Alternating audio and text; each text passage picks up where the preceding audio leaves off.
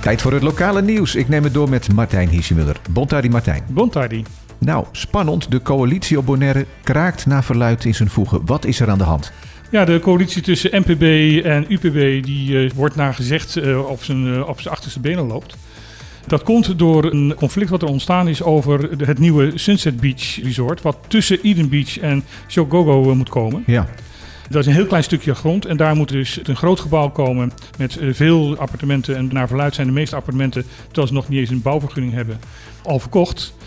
Maar eh, omdat ze al zoveel verkocht hebben, eh, wilden ze eigenlijk daar nog een extra verdieping bovenop hebben. Terwijl vier verdiepingen eh, de standaard hier is. en daar Eh, hebben ze ook de vergunning voor aangevraagd. en daar in hebben ze dus eerste nu opeens instantie. de vergunning voor aangevraagd voor vijf verdiepingen. Ja. En naar verluid, of nou, dat, dat, dat ligt zo ongeveer op straat, die, die kennis, hebben de twee NPB-gedeputeerden, Tielman en de Den Heijer, daartegen gestemd. Die zeggen, Ja. jongens, dat moeten we niet aan beginnen. Vier is altijd hier de norm geweest en we moeten niet opeens gaan beginnen, want dan wordt het vijf, dan wordt het zes, dan wordt het zeven, dan wordt het acht verdiepingen hoog. Ja.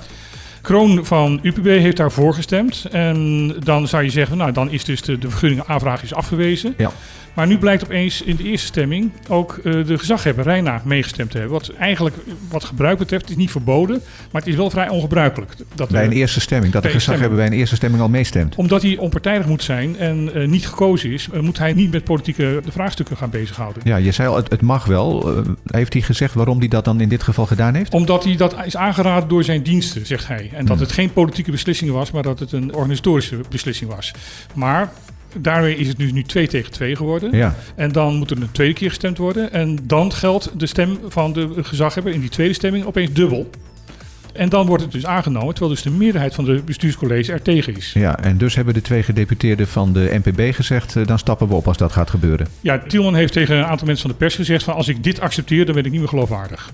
Ja, dat kan ik eh, vanuit zijn standpunt wel begrijpen. Volgens zeggen heeft Elvis op de radio daar iets over gezegd gisteren... maar dat is later door hemzelf weer ingetrokken. Dat klopt. Tina Sjoerd zou gezegd hebben op de radio van... nou ja, als die twee eh, opstappen, dan vervangen we ze gewoon. En maar er komt geen Ja, eh, coalitiebreuk. Ja, even voor degene die de situatie niet helemaal goed kennen... Elvis Chinachou is de partijleider van de NPB. en de fractieleider in de Ja. Eilandsraad, die was eerst gedeputeerde... en die heeft Juist. toen eh, gekozen om in, in, in verband met privéomstandigheden... Dus die zou gezegd hebben, als die twee opstappen... dan zet ik er gewoon twee anderen neer. ja, er zit gewoon twee anderen neer en daarmee behoud ik de coalitie. Nou ja, dan blijft toch nog met die stemming zitten. Dan zou ze dus de bouwvergunning dus goedgekeurd gaan worden. Ja. Hij ontkent dat nu. Hij ontkent ook dat hij dat voor de radio gezegd heeft. Hij heeft vanochtend de correspondent van Antilliaans Dagblad gesproken. En die correspondent vroeg, wat dan?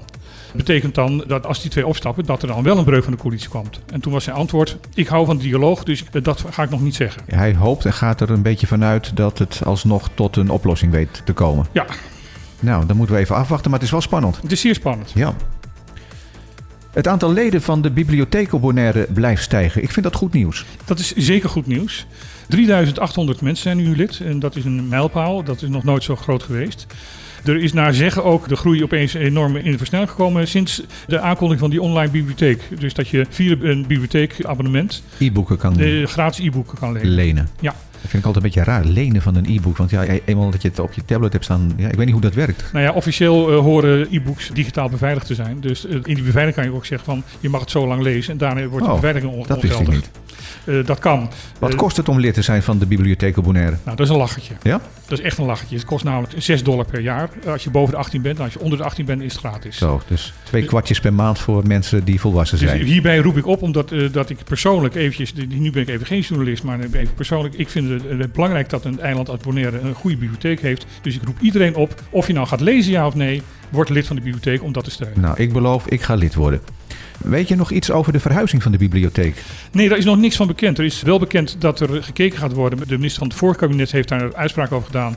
Dat is nog niet overgenomen door de nieuwe minister. Oké. Maar er zijn dus wel plannen dat de bibliotheek uitgebreid gaat worden, ook in functie uitgebreid gaat worden en naar een andere locatie gaat. Want de locatie waar ze nu zit is niet Ja, ideaal. er was toen sprake van een locatie vlak achter de grote kerk in eh, Ja, Kralendijk. ja.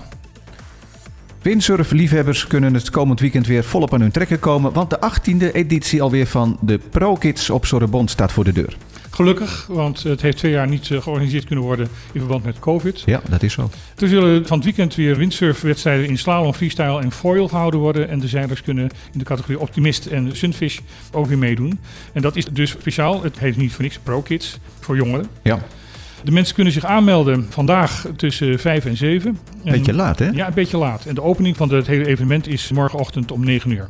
En dan de prijsuitreiking neem ik aan eind van het weekend. Eh, Eind van het weekend, zondag om 5 uur is dat gepland. En eh Bonaire kennende zal dat wel een uur of 6 of 7 worden. Ja, en Bonaire Kennende zal er ook wel eh, wat vertier zijn in de vorm van eh, muziek, et cetera. Absoluut. Ja.